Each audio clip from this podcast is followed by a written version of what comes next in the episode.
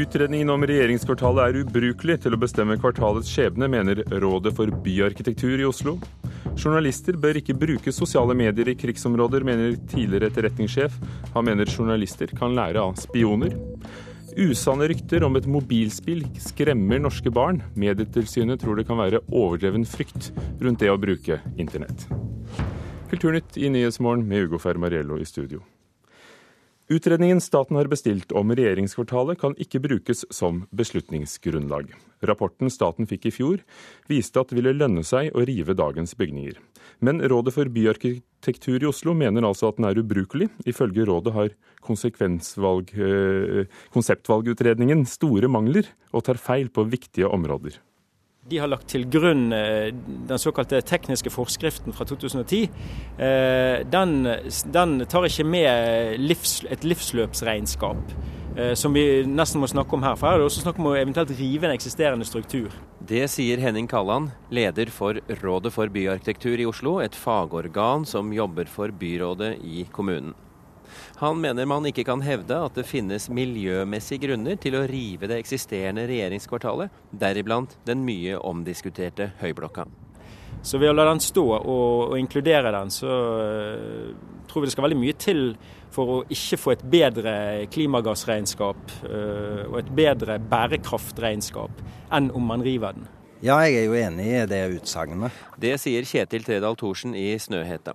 Snøhetta, som en del av den såkalte Powerhouse-alliansen, står bak verdens første rehabiliterte kontorbygg som produserer mer energi enn det bruker. Vi snakker om kontorbygget på Kjørbo i Sandvika utenfor Oslo. Hvis en river noe som er fullt ut brukbart, så må det bygges opp igjen. Den energien som da brukes for å bygge det opp igjen, utgjør bortimot halvparten av det totale energiforbruket over en periode på 60 år, relatert til et nybygg. Dermed bekrefter Tredal Thorsen uttalelsen til Rådet for byarkitektur at det blir svært vanskelig, kanskje umulig, å rive dagens regjeringskvartal og bygge et nytt og samtidig klare regjeringens klimakrav, slik utredningen hevder. Og på bakgrunn av sin erfaring med klimavennlig arkitektur, her har han følgende råd til regjeringen. Da er rådet å la det som er brukbart stå, og se på gjenbruk i størst mulig grad. Både av eksisterende konstruksjoner og det som måtte være til stede, og som allerede har denne bundne energien i seg, og som en har regnet av allerede over mange år. Og så se på hvilke utvidelsesmuligheter som finnes for å få til et så energinøytralt eh, kompleks det nye regjeringskvartalet som overhodet mulig. Sier altså Kjetil Tredal Thorsen i Snøhetta. Men det er ikke bare klimaspørsmålet som er problemet med utredningen regjeringen fikk i juni i fjor, og som har blitt heftig debattert i tiden siden. Rådet for byarkitektur har nå sendt et brev til kommunal- og moderniseringsminister Jan Tore Sanner og byråden for utvikling i Oslo, Bård Folke Fredriksen, der de påpeker flere svakheter. Kort oppsummert sier de at utredningen ikke har tatt hensyn til kulturminneverdiene i området. Det vil skape altfor stort press på bymiljøet å samle alle regjeringsbyggene på samme sted, og at det nye regjeringskvartalet står i fare for å lukke byen helt. I verste fall så kan man risikere å bygge bygge en, eh, noe som nærmest ligner en festning her. Nå må regjeringen søke kompetanse i fagmiljøene, mener Kalland. Og det gjøres best ved å invitere til en bred arkitektkonkurranse. Eh, vi skal ikke være den eneste stemmen i dette. Det vi er opptatt av, er at, at, det, at det kommer gode arkitektfaglige innspill.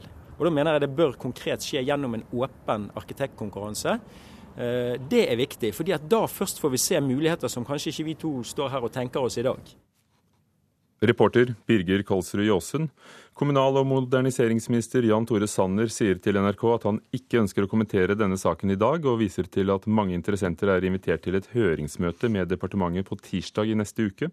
Også firmaene bak konseptvalgutredningen, denne rapporten staten fikk i fjor, fikk eh, også tilbud om å uttale seg, men valgte å la være. Agnes Moxnes, kulturkommentator i NRK. Hvorfor kommer kritikken nå? Ja, Det kommer jo stadig inn ny kunnskap om både regjeringskvartalet og eh, spørsmålet om skjebnen til Høyblokka. Men det vi hører her, det er jo vertskapet til regjeringskvartalet, Oslo kommunes eh, eget fagråd, som har lest eh, utredninger og kvalitetsrapporter, og som nå kommer med innspillet sitt. Og det betyr vel rett og slett at det begynner å spisse seg til, at vi begynner å nærme oss den tiden at avgjørelser må tas. Vil du tro de har en politisk hensikt? Ja, det har de absolutt. Og deres viktigste melding det er jo at innbyggerne i Oslo må oppleve at eh, dette nye regjeringskvartalet blir en positiv forandring for eh, byen. Og som vi hørte her, at det ikke blir en festning midt i hjertet av eh, Oslo. Og denne utredningen her, den, den bruker jo ord som kom i kjølvannet av 22.07, nemlig når de skal beskrive hvordan hovedstaden skal bli, at det må være større åpenhet og mer demokrati. Med det store utredningsarbeidet som har vært gjort, hva gikk da galt? Altså, eh, Kritikken av den viktigste utredningen den startet øyeblikkelig etter at den ble levert i slutten av juni i, i fjor. Eh, først og fremst pga. det mandatet som daværende kommunalminister Rigmor Aasrud hadde gitt utrederne, og som gjorde at samfunnsøkonomiske spørsmål, sikkerhet og effektivitet fikk eh, forrang, fremfor da spørsmål om klima og miljø, gjenbrukstanken, bevaring av symbolbygg og integrert kunst, og eh, hva det betyr eh, med en så gedigen byutvikling for en by som Oslo. Og det er jo særlig disse siste spørsmålene eh, om dem debatten har gått av det siste året. Vi hørte Rådet for byarkitektur, vi hørte mm, tungvekter innen arkitektur eh, Kjetil Tredal Thorsen i Snøhetta. Hvem kan de påvirke? Ja, altså, eh, de, de har, sier jo at vi har et regnestykke her, og at en del av dette forarbeidet ikke er godt nok gjort, og at det må gjøres. Det er en, et klart signal fra dem.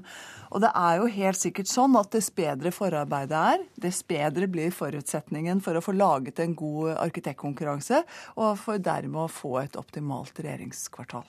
Bør det komme enda en utredning? Eh, ja, det er, jo, det er, jo, et av de spørsmålene som stilles. Men det er jo veldig mange diskusjoner og dilemmaer som kommer her. Altså Etter 22.07 så var det over, nesten 2000 mennesker som mistet arbeidsplassen sin. Så man er nødt til å finne en praktisk løsning innenfor et rimelig tidsspenn. Eh, men det eh, rådet kommunalminister Jan Tore Sanner får nå, er jo at han skal holde en stor og åpen idékonkurranse om utviklingen videre. Og den ideen den støttes nå av mange, jeg tror egentlig også av Jan Tore Sanner selv. Støttes av Oslo kommune, som Jan Tore Sanner hører på. Tror også den støttes av Riksantikvaren og av eh, arkitekten her. Og så får man kanskje is nok i magen til å vente med spørsmål om plassering av regjeringskvartalet om Høyblokka skal stå eller rives, til etter denne idémyldringen er over. Og når vil alt dette skje? Ja, det, det, får jo tiden vise.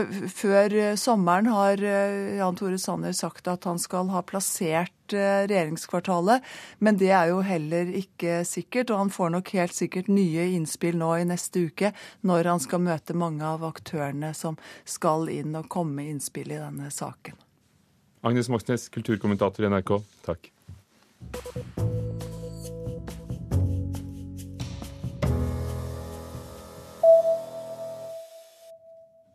Forsikringsselskapet If politianmelder programmet Insider på TV Norge-kanalen Max for medvirkning til sykkeltyveri. I programmet ble det bl.a. vist hvordan en If-kundes sykkel blir stjålet. Forsikringsselskapet reagerer på at alvorlig kriminalitet blir brukt som TV-underholdning. TV Norge mener innslaget var viktig journalistikk, og ser det som en del av pressens samfunnsoppdrag å avdekke uriktige samfunnsforhold. Det er beordret økt sikkerhet rundt den gamle inkabyen Machu Picchu i Peru, fordi stadig flere turister tar nakenbilder ved det historiske underverket. Bildene av de nakne menneskene er blitt lagt ut på internett, og har fått Kulturdepartementet i Peru til å reagere. De kaller oppførselen respektløs, og har doblet overvåkningen av inkaenes hellige by.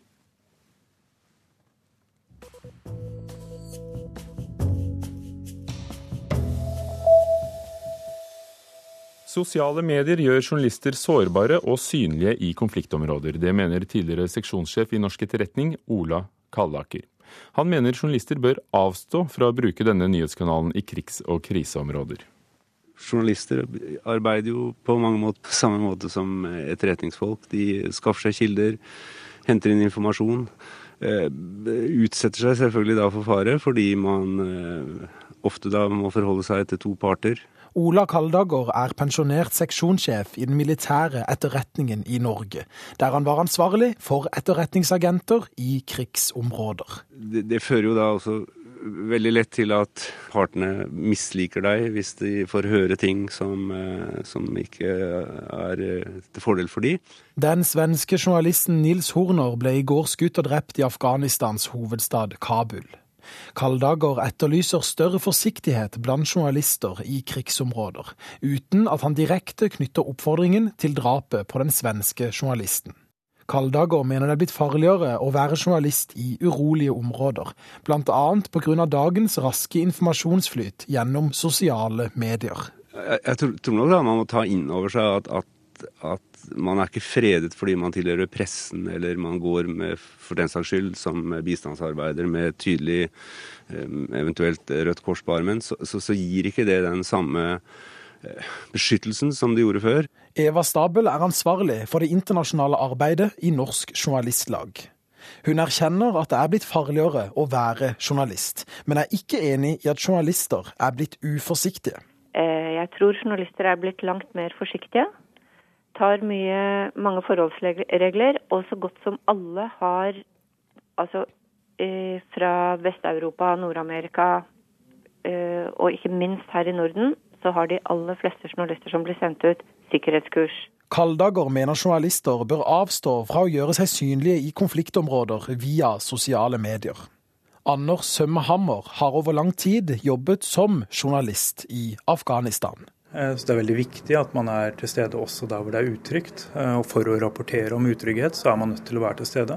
Sømme Hammer er enig i at det er viktig å være påpasselig med hva man skriver, men at det er svært viktig å være til stede på sosiale medier, også i krigs- og konfliktområder. Sosiale medier har blitt en veldig viktig del av rapporteringen, kanskje spesielt i konfliktområder.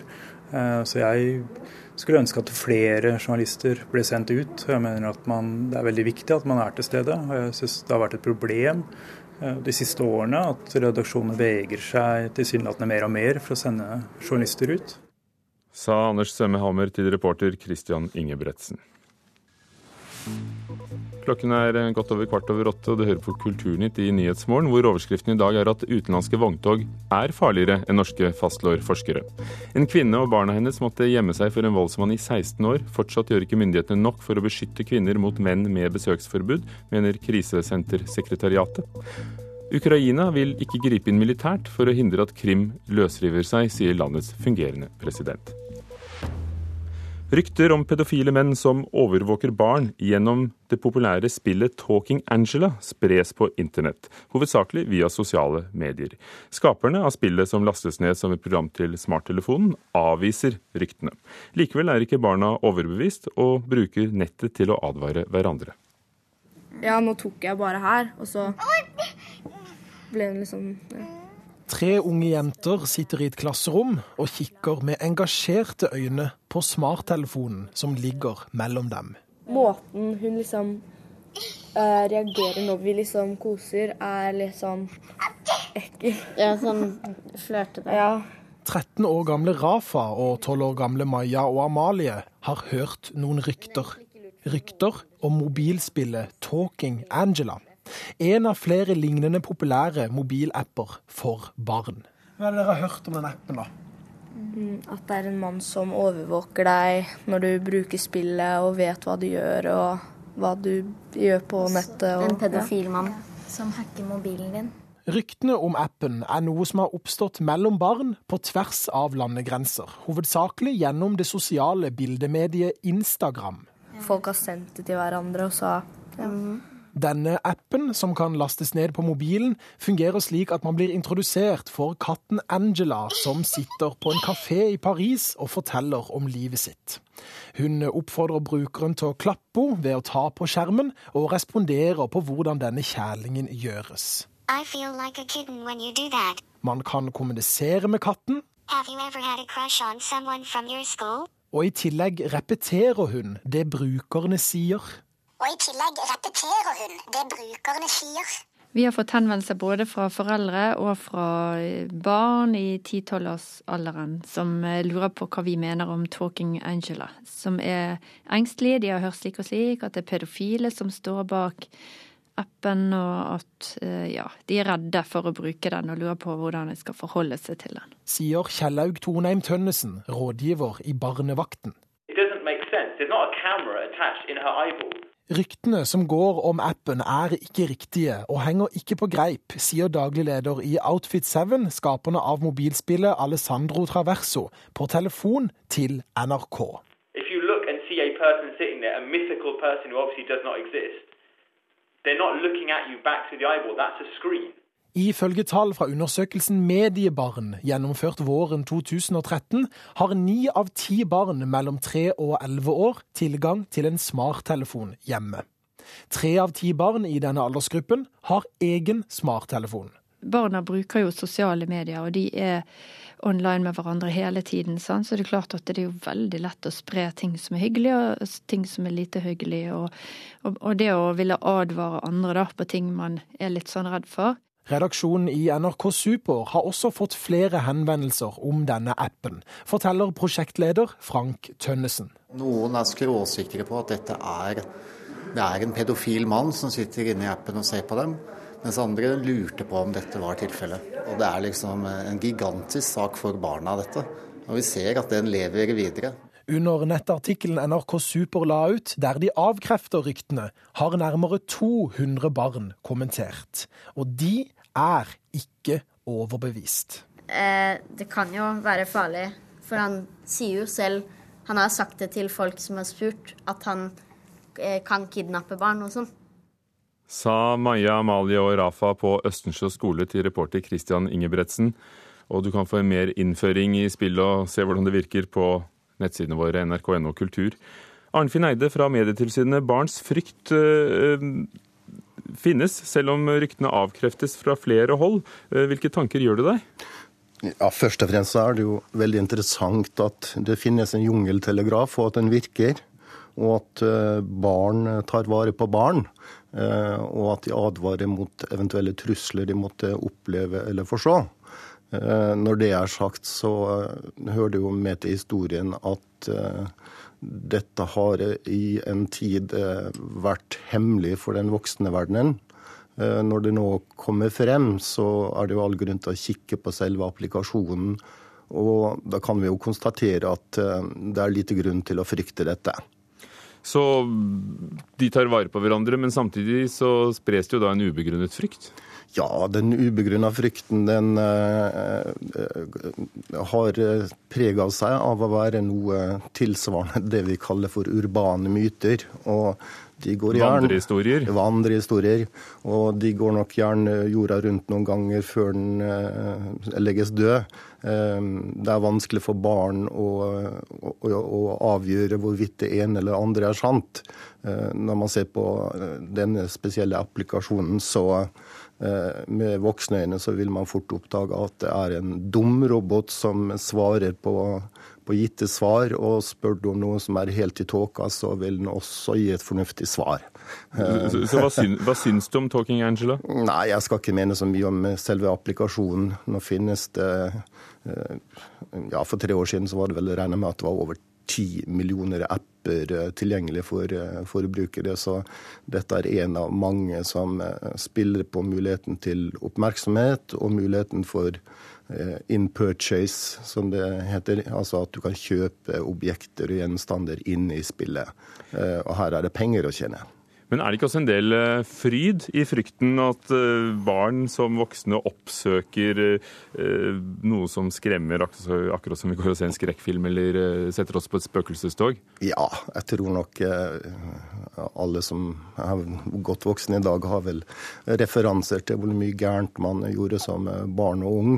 Så dette er nok ikke ukjent, noe ukjent fenomen. Og det å oppsøke spenning er jo en naturlig del av oss.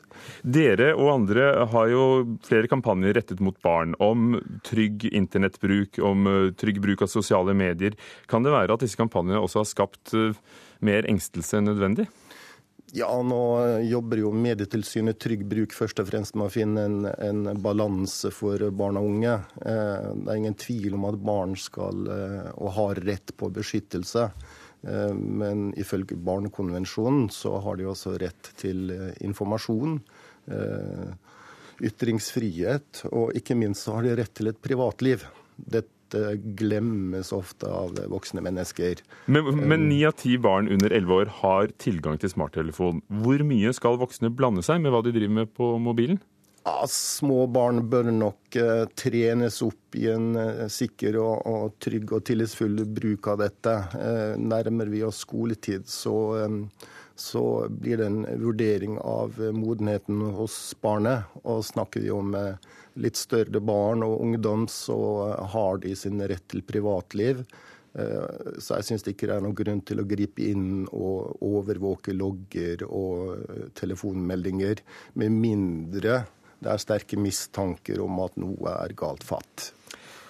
Er det problematisk at uh, rykter kan spre seg raskt blant barn på tvers av landegrensene, nettopp takket være sosiale medier? Mm, nei, jeg synes nok eh, ikke det. Men eh, det er viktig også å få, eh, å få, gitt noe informasjon om hva som er rykter og hva som er sant. Nå er det ikke til å unngå å nevne at bekymringsmarkedet, som jeg gjerne kaller det, det er ganske stort. Det er mange aktører som gjerne vil gi gode råd og anbefalinger om hva som er lurt og hva som ikke er lurt. Eh, kanskje har pendelen slått ut litt i feil retning av eh, mye bekymring og, og redsel for eh, det ukjente. Det er viktig å holde fast på at internett og digitale medier i det hele tatt er ofte en berikelse for barn og barns utvikling.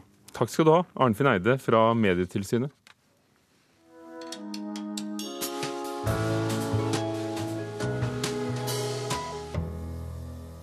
Marit Kallhorn skildrer en sorg som ikke tar slutt i sin nye roman. Den handler om å være søster til en rusmisbruker, forteller vår anmelder Anne Katrine Straume om boken med den lange tittelen 'Det skulle være sol, vi skulle reise til Lotz'. Fuglene er kommet hjem. På vei til bilen hører jeg for første gang denne våren at fuglene synger. Jeg prøver å få øye på dem oppe mellom greinene på trea. Hvor har de vært? Hva har de opplevd? Slik åpner Marit Kallhols siste roman med den dragende tittelen Det skulle være sol, vi skulle reise til Lodz. Det ligger vel en antydning der om at det ikke er sol, og de som skulle reise, aldri kommer til Lodz. Det er Jenny som er eg, Jenny som er i starten av 20-årene, som har mistet moren i en eksplosjonsulykke, som venter på at søsteren Solrun skal komme tilbake. Men søsteren er som fuglene. Jeg veit at ikke alle fugler kommer tilbake, at ikke alle er sterke nok til å klare reisa, eller ikke har vilje nok. Likevel tror jeg at de lengter hjem. Det skulle være sol, vi skulle reise til Lotz, er en fortelling om å være pårørende. Om å bli alene med et digert ansvar, om å leve med en sorg som ikke synes å ta slutt. Hvorfor storesøster Solrun ruser seg, får vi ikke vite. Men vi får høre om angst, om en rastløshet fra barndommen, om viljen til å fikse alt, og om mammas tabletter som skulle gi søvn og hvile. I et poetisk, nesten manende naturskildrende språk uttrykker Marit Kalhol Jennys tanker og følelser. Fuglemetaforen går gjennom hele boken, med søsteren som den fuglen som virrer seg bort og blir flyvende alene. Eventyret om Rødhette og ulven spiller inn, for også Solrun lar seg lokke av det som frister utenfor stien, og også hun får møte ulven. Romanen blir nesten som en samling korttekster. Hver side gir én scene, en liten fortelling, en erkjennelse.